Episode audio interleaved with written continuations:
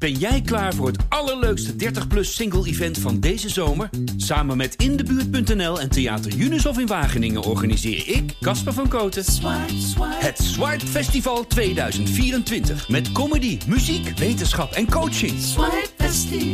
Maar vooral heel veel leuke mensen. Bestel nu je kaart op swipefestival.nl. Swipe, swipe.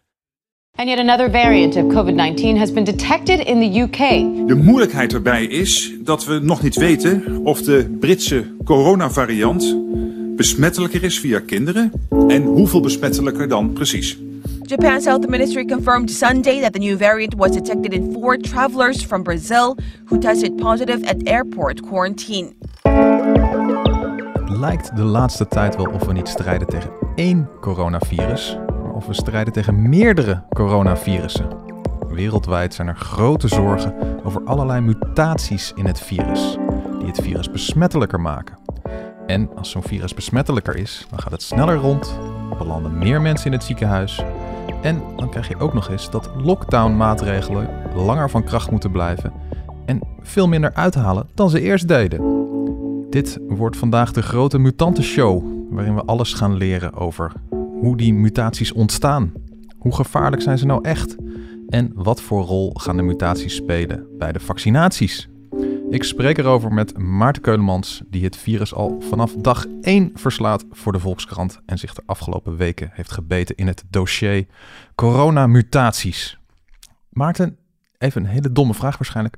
Waarom muteren virussen eigenlijk? Wat, wat voor lol beleven ze daaraan? Ja, het is niet dat ze daarvoor kiezen of zo. Virussen zijn uh, uh, evoluerende uh, wezens. Ja, ze leven niet echt. Het zit een beetje tussen leven en dood in. Maar het zijn, ze zijn wel gemaakt van biologisch materiaal. Mm -hmm. En dat wil zeggen dat ze als zich voortplanten, elke keer als, uh, als ze nakomeling krijgen, dan worden daar wel eens kopieerfoutjes gemaakt in hun erfelijk materiaal. En uh, het, is, nou, het is niet heel anders dan dat jij kinderen krijgt. Jouw kinderen zijn ook niet uh, identiek uh, qua geen een, een optelsom van jou en je partner. Maar er zitten gewoon altijd weer kleine veranderingetjes in. Die komen er spontaan in bij het kopiëren. Die virussen doen dat ook. Mm -hmm. En af en toe, uh, ja, meestal zijn dat gewoon veranderingetjes waar je niks van merkt. Die niks uithalen met het virus, die niks bijzonders doen.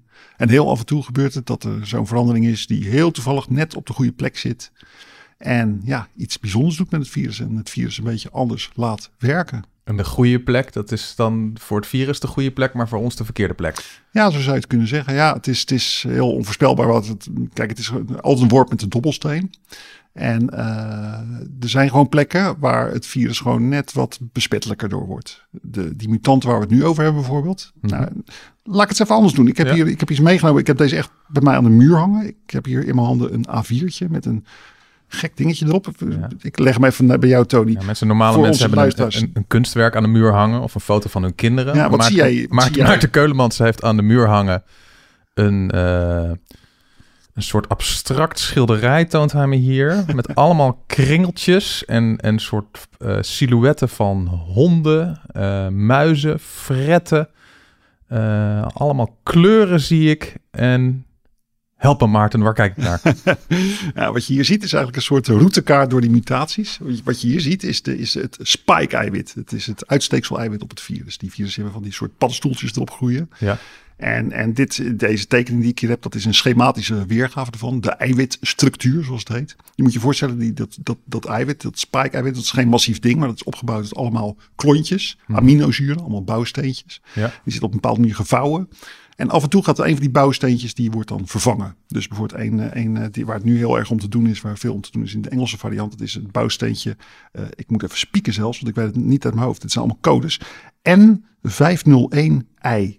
En dat Ja. betekent dat op plek 501 van in dat, in dat, in dat spike-eiwit, daar is iets veranderd. Daar is het, het bouwsteentje N, dat staat voor, uh, uh, voor asparagine. Dat is veranderd in het bouwsteentje I, een tyrosine. Dus er is er gewoon bij het kopiëren een foutje gemaakt, waardoor er zo'n bouwsteentje net een ander bouwsteentje is geworden. En die plek 501, dat is een hele gevoelige plek. Want dat is namelijk een plek waar, waarmee die precies aanhecht aan menselijke cellen. En waar dat aanhechten niet zo heel lekker gaat.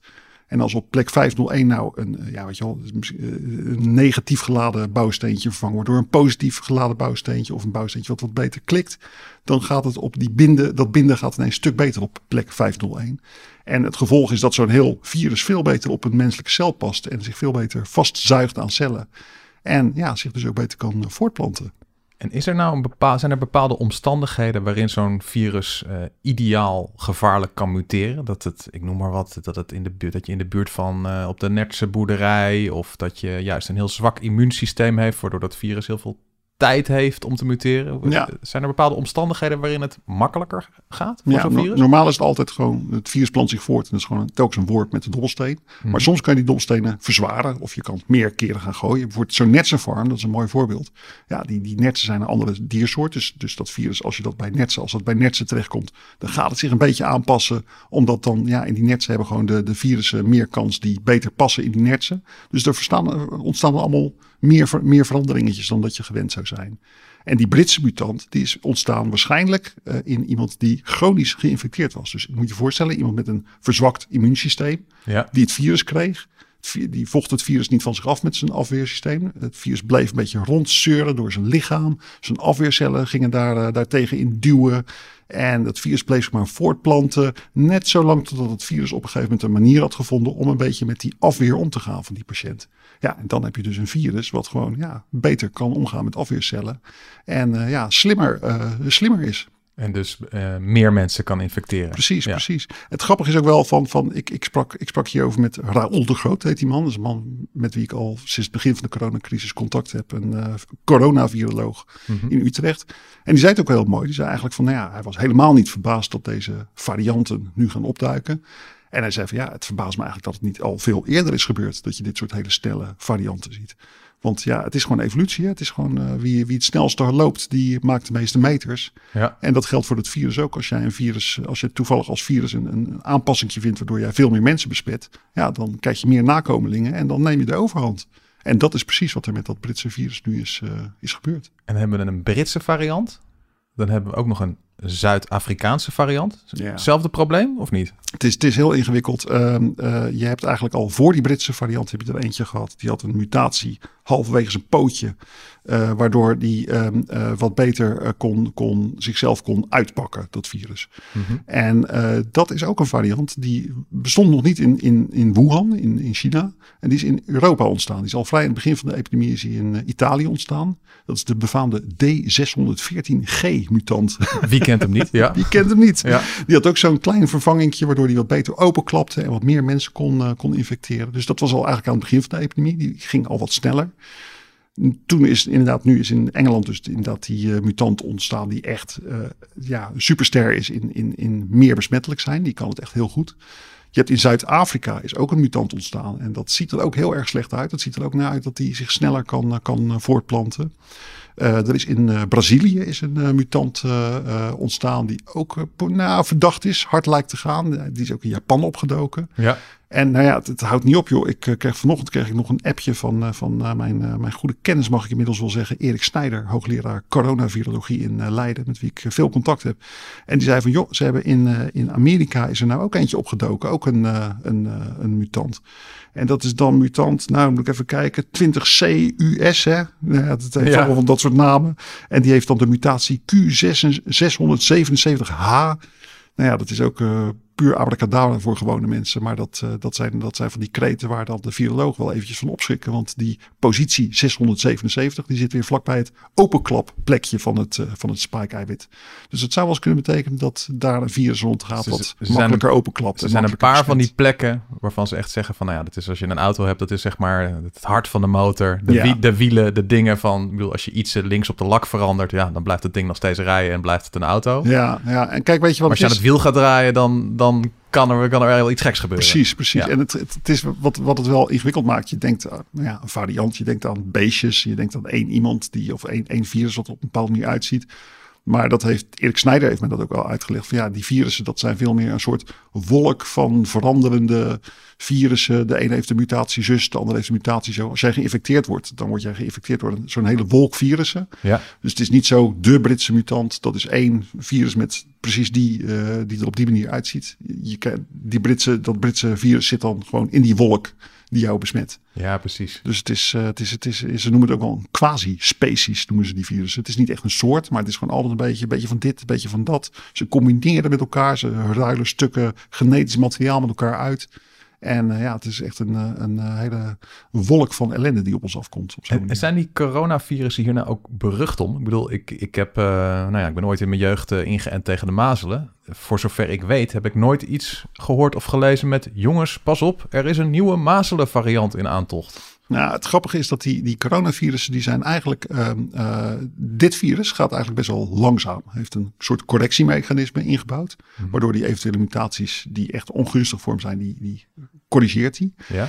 Uh, het is wel zo dat RNA-virussen in het algemeen, die gaan wat, die, die muteren behoorlijk snel. En, en ja, dat, is dat zijn een beetje de regels. Maar alle virussen muteren. Ja, denk maar aan het. Uh, de griep is natuurlijk een heel mooi voorbeeld. We hebben elk jaar weer een iets andere griepversie. En dat komt omdat die, ja, die heeft ook uitsteeksels. En die uitsteeksels die muteren. Maar ook bijvoorbeeld ja, het uh, poliovaccin. Er is, uh, op een gegeven moment was polio bijna de wereld uit. Ja. En toen is er een van die poliovaccins. Dat poliovaccin bestond uit een doodgemaakt poliovirus. En een van die doodgemaakte poliovirussen die muteerde. En die kwam weer tot leven. En toen was polio weer, weer terug. Dus Ja, ja. die wereld zit vol met, met verrassingen. De ebola-golf van 2014. Ja. Dat is ook zo eentje van ja, dat was ineens een. uh, ja, iedereen dacht van nou, dat ebola, dat kennen we nou wel. En toen kwam er opeens een nieuwe ebola-vorm uh, tevoorschijn. En die bleek ja, een paar mutaties te hebben, waardoor die ja, veel besmettelijker was. En uh, met alle dramatische gevolgen van die. Want het heeft toen nou ja, honderdduizenden mensen het leven gekost. Ja, dus meestal doen die mutaties niks. Maar af en toe zit er eentje die Ja. gewoon dramatische gevolgen En alles wat leeft muteert. Jij doet het, Ja. ik doe het. En, uh, Nu ben ik nu aan het muteren. nou, ik hoop het niet.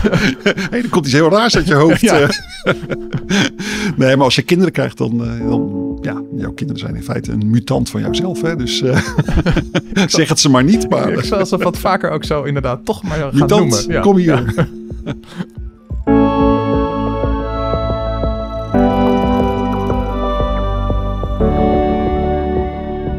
Is uh, tijd voor onze vaste rubriek Een Vraag Tussendoor. En wij zijn een uh, zeer moderne podcast, dus ook robots hebben het recht om een vraag te stellen. Uh, het algoritme luistert mee met de uitzending en bedenkt een toepasselijke vraag. Hier komt-ie. Kunnen coronanertsen opstaan uit de dood? Kunnen coronanertsen opstaan uit de dood? Ahem. Aparte vraag. Nee, ja, de sfeer er wel in zo. Ja. We gaan bellen met onze nieuwste wetenschapsredacteur en tevens biologe Maartje Bakker, die een fascinerend artikel schreef over hoe Denemarken besloot duizenden nertsen te ruimen en hoe dat niet helemaal goed ging. Hoi. Hey, hallo. Uh, Maartje, even, waarom besloot Denemarken ook alweer om heel veel nertsen te gaan ruimen? Wat was er ook alweer aan de hand? Ja, het waren er zelfs miljoenen, hè? Uh, miljoenen? Ja. Wauw. Het probleem was dat daar ook uh, een mutant was gevonden. Jullie hebben het over mutanten, geloof ik. Ja. En ook bij de netsen was een mutant gevonden. En het probleem um, daarmee was dat ook een van die, die spike-eiwitten aan de buitenkant van het coronavirus was gemuteerd. Um, en ook met die mutant, daar waren ook uh, al, al, mensen besmet mee geraakt in Denemarken. Dus het, het virus ging over van uh, de netsen op de, de mens. Twaalf, mm -hmm. twaalf mensen waren al gevonden die daar besmet waren geraakt. En de vrees was dat vaccins minder goed zouden werken tegen die mutant. Daar waren ja. ook al snel wat proeven mee gedaan. Um, maar goed, toen is, heeft de Deense regering inderdaad besloten om te zeggen: we, we ruimen alle netsen, want dit wordt te, te link. Dus dan moet je in één keer miljoenen nertsen uh, ruimen. Ja, ze hadden een, meer dan 50 hoe deden ze dat? Nertsen. In in een, in een vers, versnipperaar of zo? Of? Nou, het probleem is dat wat ze hadden gedaan was de nertsen ook begraven op een groot militair terrein. Mm -hmm. um, en dat was ook uh, wat niet goed ging. Want uh, na een paar weken uh, bleken die netsen weer boven de grond uh, te zijn gekomen. Dus wij hebben dat in de krant ook wel uh, zombie-netsen genoemd. Ze dachten, we dus zijn de nertsen waren begraven grond, en kwamen weer boven de grond. Ja. Daar kwamen ze weer, weer naar boven. Wat eerst nogal ongeloofwaardig leek. Maar toen ik me erin ging verdiepen, bleek het toch, toch te kunnen. En te zijn gebeurd. Maar waarom? Ja, um, dat vroeg ik me toen inderdaad ook af. Dat heeft te maken met het ontbindingsproces dat dan op gang komt waarbij allerlei gassen ontstaan. Er waren verschillende theorieën eigenlijk toen ik de experts daarover sprak. Sommigen zeiden, uh, ja, dat is gewoon de ontbinding van de net zelf. Daar ontstaan vloeistoffen en gassen bij. En de vloeistoffen die zakken dan weg de aarde in. En de netsen, je kunt je dat voorstellen, die worden lichter en die, die komen dan weer naar boven. En een andere theorie was ook nog dat als uh, de dood intreedt, dan blijven de bacteriën die we in onze darmen hebben, die blijven wel nog, uh, nog aan het werk, zeg maar. Die, die, blijven in leven en die gaan nog een tijdje door met de, met de processen die ze daar uitvoeren. Um, en omdat het immuunsysteem niet meer werkt wanneer een nest of een mens dood is, komen er daar veel meer van en ontstaan er nog veel meer gassen. Nou ja, waardoor ze ook weer die netse lijkjes lichter werden en, en boven de grond kwamen. Dus kwamen echt als soort ballonnetjes kwamen ze boven, eh, dus eigenlijk. Ja, zo kun je dat uh, voorstellen, ja. Echt, echt luguber. En uh, nou ja, dat, dat, dat wilden ze niet zo laten, neem ik aan. Dus toen, wat gingen ze daarna dan doen? Ja, um, toen is... inderdaad werd al, al, snel gezegd van, ja, dat, dit kan niet zo. Er waren ook protesten van mensen die in de buurt wonen. Die, die zeiden van, is dit niet gevaarlijk voor onze gezondheid? En het was ook nog zo dat ze vlakbij een zwemmeertje begraven lagen, geloof ik. Dus nou ja, het idee was ook van, dat is dan niet zo lekker om daar nog in te zwemmen. Dus er werd al snel om een oplossing gevraagd, inderdaad. En toen is besloten eh, in december om, um, om de nesten op te gaan graven. Maar ik las wel dat dat, dat besluit is dus genomen eind december, officieel, ook met, een, uh, met de steun van het Deense parlement. Maar ze gaan er pas vanaf mei mee beginnen. Want, uh, las ik, dan is er helemaal geen risico meer op besmetting met het coronavirus. Waarmee sommige van die nesten dus besmet uh, zouden kunnen zijn. Oké, okay. omdat ze dan al te lang in, in dood materiaal eigenlijk uh, zitten, waarschijnlijk. Ja. ja, ik weet niet, het lijkt mij een, een lange periode, maar dat zijn, zijn mijn gedachten. maar ja, dit, dit, was het besluit in elk geval. Nou, tot die tijd nog maar even niet zwemmen daar in Denemarken, lijkt mij we mogen er niet naartoe, dus uh, het gevaar is beperkt. Maar uh, ja. Blijf je meeluisteren de rest van de ja, uitzending? Ja, vind ik wel leuk.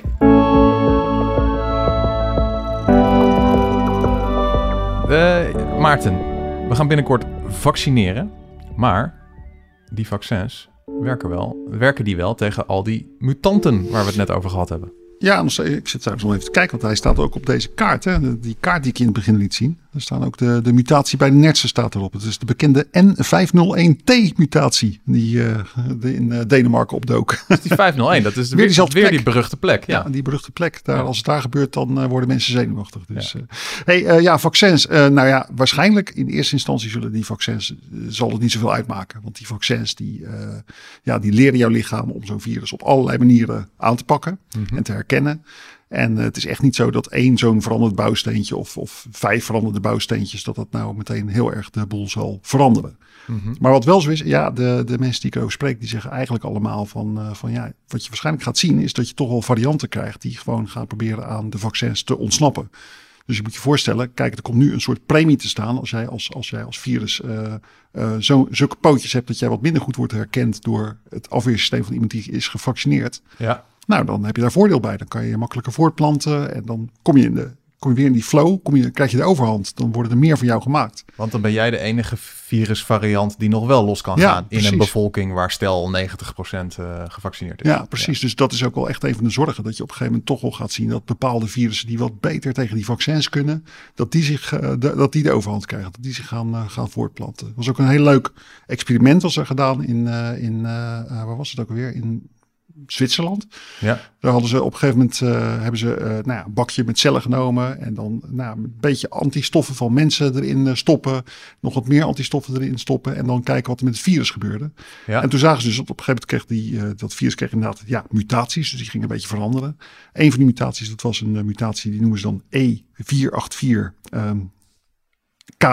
ik moest even spieken zelfs. Ik Ja. ken ze ook niet allemaal uit mijn hoofd. Ja. E484K. En nou, dat was wel echt de, de mutatie die ze telkens naar voren zagen komen. En die 501-mutatie, die zat er trouwens ook bij.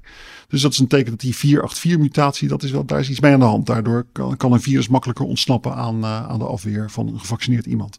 En vervolgens zie je dat die 484-mutatie, die zit ook in dit Zuid-Afrikaanse virus. Dus dat Oh is een aanwijzing dat dat Ja. Zuid-Afrikaanse virus misschien net wat minder eh, eh, of net wat beter kan, kan doordringen in een immuunsysteem van iemand die gevaccineerd is. Ja. Dus eh, ja, wat we gaan zien is waarschijnlijk gewoon ja, toch dat die vaccins die je nu hebt, dat die heel langzaam. Kijk, op het label staat nu dat ze 95% van de mensen die ermee worden ingeënt beschermen. Ja. Nou ja, dat zal misschien in praktijk zal dat 90% zijn. En dan komen er varianten bij en dan gaat dat percentage gaat wat zakken. Dan zal je misschien hebben dat het op een gegeven moment nog maar 85% is of 80%.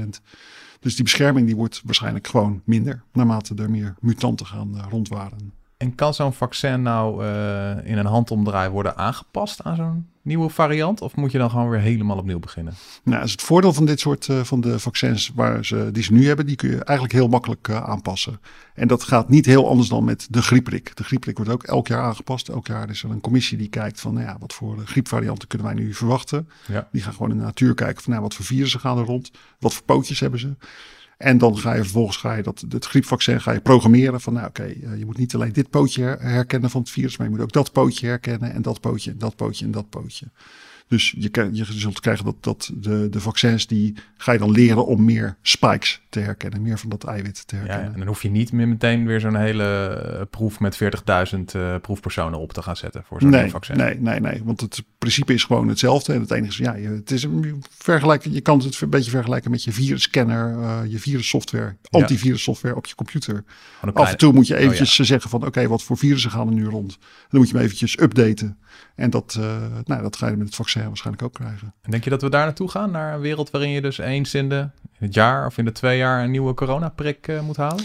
Heel lastig te zeggen, omdat het virus nog nieuw is. En alle mensen die ik erover spreek, die zeggen van ja, dat is gewoon puur koffiedik kijken. Maar al die mensen die ik spreek, die zeggen ook van het is wel, het ligt wel in de lijn der verwachting dat je gewoon, ja, dat dit, dit vaccins zijn die je op een gegeven moment een beetje zult moeten bijstellen. Ja. En of dat dan is, een beetje zoals de griepprik elk jaar, dat, dat verwacht eigenlijk niemand. Maar laat het eens in de vijf jaar zijn, of eens in de drie jaar of vier jaar of zo. Dus dat is, dat is wel eh, veel meer het eh, realistische scenario. En is er nou ook nog een scenario denkbaar waarin zo'n virus zo radicaal gaat veranderen dat hij ineens, ik noem maar wat, een totaal ander ziektebeeld gaat geven, tien keer dodelijker wordt? Kan, kan zoiets ook nog gebeuren?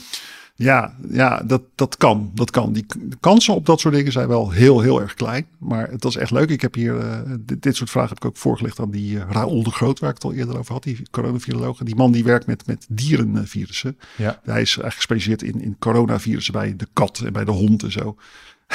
Wel leuk. Hij heeft mij ooit een keertje verteld. van, Ja, ik ben ooit, ooit begonnen met coronavirus te bestuderen. Omdat het was tenminste lekker eh, ver weg van de mensen. Dan hoef ik gewoon lekker, lekker een beetje met die dieren prutsen en zo. Dat oh ja, dat, dat sta ik niet midden in de actualiteit. in die aandacht, precies. Ja, ja, maar dat pakte anders uit. eh. Ja. dus, eh, maar hij weet dus inderdaad voorbeelden van, van ja, je hebt dan het coronavirus in de kat. Die kan, dat is een, een darmvirus, dat zit in die katten. Daar hebben de katten eigenlijk helemaal niet zoveel eh, last van. Dat is een vrij onschuldig virus. Dat, dat zit zich daar gewoon een beetje voor te planten. Ja. Eh, maar af en toe kan er een mutant ontstaan van dat virus, waardoor het eh, immuuncellen gaat eh, aanvallen. En dan, ja, dan krijgt die kat krijgt ineens een hele heftige, akelige soort aidsachtige ziekte. Waar die katten dus ook echt aan doodgaan. Dus zo zie je dat inderdaad een mutant ineens iets heel anders kan, eh, kan veroorzaken. Het werd, werd ook een beetje gezien bij de voorloper van, eh, van het huidige coronavirus. Dat was Ja. het eh, SARS-virus in eh, 2002, 2003. Dat is het Aziatische virus. Mhm. Nou, dat was ook longvirus. Mensen kregen longziekte van. En toen op een gegeven moment in Hongkong gebeurde er echt iets heel vreemds. Toen was daar een uitbraak in een flatcomplex. Waarbij meer dan 300 mensen kregen, dat, kregen, werden ineens ziek. Ja. Die raakten besmet. En ze kregen een beetje een andere variant van, van SARS. Ze kregen niet meer zozeer dat longvirus. Ze kregen ook wel longontsteking. Maar ze kregen ook heel heftige diarree erbij. Eh, middelen die een beetje leken te werken tegen SARS, die sloegen niet meer goed op die mensen aan. Ze gingen vaker dood, ze gingen vaker naar het ziekenhuis. Dus dat was dat is nooit helemaal opgehelderd, bij mijn weten in ieder geval. Maar eh, toen bestond ook het vermoeden van, wacht eens eventjes, dat SARS-virus is misschien gewoon ja, een of andere verandering aan het ondergaan, waardoor die eh, nou ja, op een andere manier zich leert te verspreiden. Dus je kunt je voorstellen, als jij als, jij als SARS-virus, of als SARS-virus, als dat virus ook net andere pootjes krijgt, dan kan je misschien ook weer leren om andere cellen aan te, vangen, te vallen, andere weefsels. Ja, ja, ja. En dat hebben ze destijds onder controle gekregen met zware quarantaine en dat het zich toch niet verder heeft kunnen uitbreiden. Ja, precies. We hebben toen echt wel geluk gehad. We zijn echt door het oog van de naald eh, gekropen. Het was gek. Ik werkte destijds bij de, bij de NOS. Ik heb toen die crisis eh, heel erg verslagen voor de, voor de NOS. Dus ik heb er met mijn neus op gezeten. Ja. Het was echt kantje boord hoor. Het was in Canada was het uh, gezien. Het is in Europa, in Engeland is het volgens mij ook opgedoken. Het is op allerlei plekken dook het ook op. Maar nou ja, SARS heeft een, een. Er is één verschil tussen het SARS van toen en het SARS van nu. Uh, SARS toen, dat was op zijn virulens. Je ging de meeste virusdeeltjes aanmaken tegen de tijd dat jij in het ziekenhuis ligt. Dat jij heel ziek bent en echt op je bed ligt. Ja. En dit virus heeft als onhebbelijkheid dat je de virusdeeltjes eigenlijk al verspreidt. Vooral als je nog helemaal niet ziek bent. Precies. Echt helemaal aan het begin van de infectie. Als je een beetje loopt te kuchen, loopt te niezen. En ja, dat is natuurlijk eh, heel uh, lullig, want daardoor kan je het gewoon, ja, mensen die, uh, die alleen maar een beetje lopen niks, die lopen niks nog aan ziet, daar kan je, je niks aan. Precies, precies. Dus dat was wel het grote verschil. En het andere verschil is ook dat, ja, het luchtvaartverkeer is heel erg toegenomen. De wereld is ook al veranderd hè, in die twintig jaar. Er zijn gewoon veel meer contacten tussen mensen. Ja. En is er ook nog een scenario denkbaar, om een positief te eindigen, waarin zo'n virus super vriendelijk muteert? Dat ineens een, de, de Nederlandse variant of de, de, de Haagse variant de overhand krijgt wereldwijd. En dat is er eentje die zich ontzettend snel verspreidt, maar waarvan iedereen eh, drie keer zijn neus ophaalt en voor de rest heb je er geen last van. Ja, de Haagse variant, die heb jij gehad geloof ik hè Maartje, die nog steeds in de uitzending Ja, dat zag er goed uit, ja. die was inderdaad jij, jij hebt het gehad hè? Ja. Want wat had, jij, wat had jij trouwens voor verschijnselen toen jij het kreeg? Um, ja, een klein beetje verkouden was ik, een beetje moe, een beetje hoofdpijn. En inderdaad, Dat, ik, uh, dat heb ik het langst gehad, dat ik uh, slecht rook en proefde. Maar goed, als dit het voor iedereen zou zijn, denk ik dat, uh, dat de hele coronaviruspandemie ongemerkt voorbij was gegaan. Want, ja, zouden we voor tekenen inderdaad. Maar kan, kan zo'n virus nou zo muteren dat iedereen gewoon dat krijgt? En dat er niet meer een deel van de mensen in het ziekenhuis belandt? Ja, dat, dat zou kunnen. De, de Haagse variant zou ik maar zeggen. Want je, voor de Haagse variant, de Maartje variant, die heeft er ook voordeel bij. Op het moment dat jij een, uh, dat jij een virus bent wat mensen heel ziek maakt, dan ja. Uh, lig, je, ja, lig je in je bed en dan kan je niemand besmetten. Maar mensen zoals Maartje, die kunnen gewoon rond blijven lopen en die besmetten een hele hoop andere mensen. En zo'n virus heeft dus evolutionair voordeel. Even voor de record, Maartje is gewoon in quarantaine gegaan. Hè? Dat we ja, dat even precies, in, precies. hier in de uitzending hebben. Ja. Dit is een nee, denkbeeldige wereld. Waarin, is het dan niet handiger dat mensen die lichte verschijnselen hebben rond blijven lopen?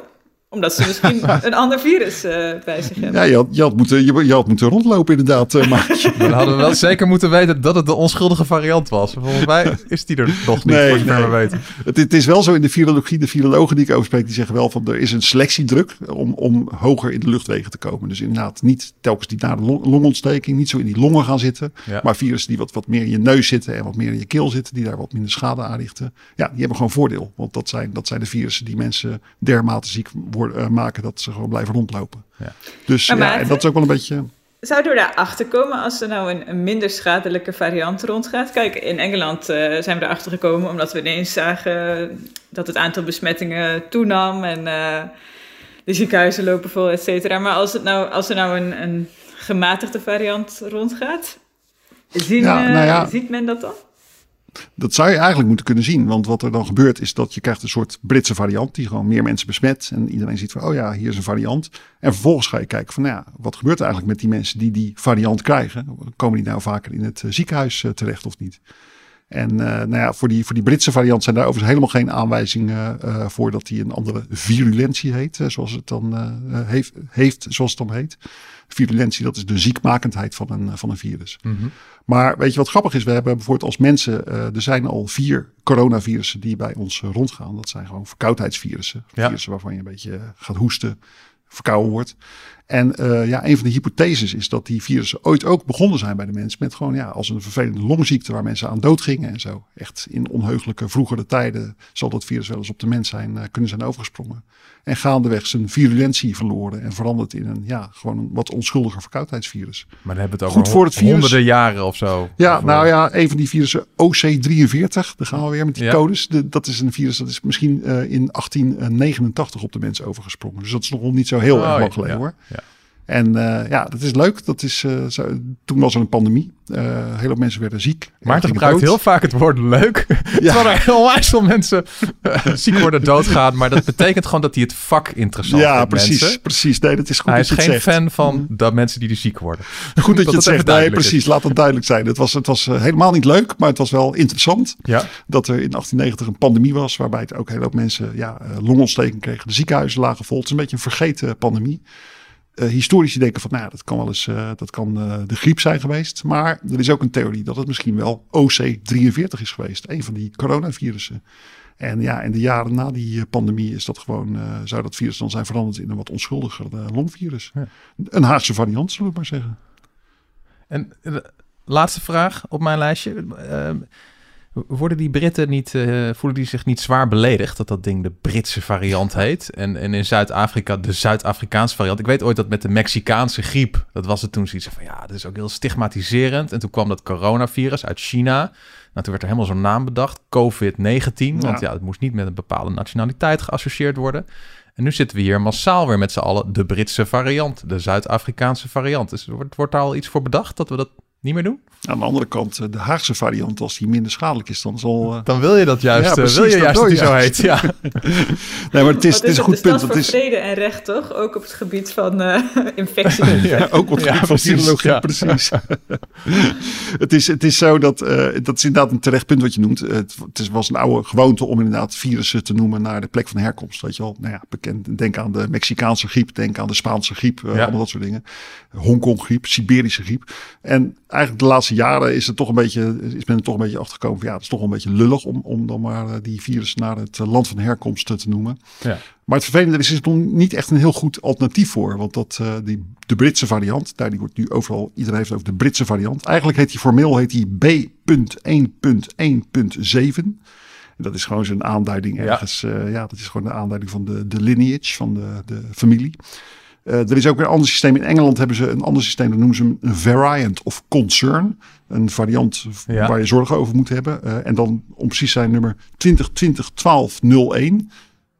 Als aanduiding, het is in 2020 is hij uh, boven water gekomen in de maand december 12. En het is de eerste in die maand. Ja. dan heb je ook nog in Amerika hebben ze weer een andere conventie. Daar kijken ze naar de plek in de, in de stamboom van het virus. En daar heet hij 20b slash 501i.v1. Ja, weet je, dat soort namen, dat gaat natuurlijk nooit uh, beklijven. Dus je moet dat gewoon een goede naam geven. Nee, dan, dan houden we toch maar gewoon bij uh, de Britse, de Zuid-Afrikaanse, de Braziliaanse en uh, sinds vandaag de Haagse variant. Dit was Ondertussen in de Kosmos, de wetenschapspodcast van de Volkskrant. Grote dank aan mijn gasten van vandaag, wetenschapsredacteuren Maarten Keulemans en Maartje Bakker. Verder dank aan ons podcastteam achter de schermen, Corinne van Duin en geluidstechnicus Daan Hofstee.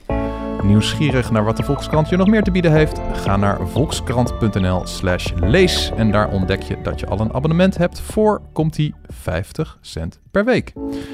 Wil je de volgende aflevering van deze podcast niet missen? Abonneer je dan, en dat is geheel gratis, op Ondertussen in de Kosmos in je favoriete podcast-app. Mijn naam is Tony Mudde, chef van de wetenschapsredactie van de Volkskrant. Graag tot de volgende keer.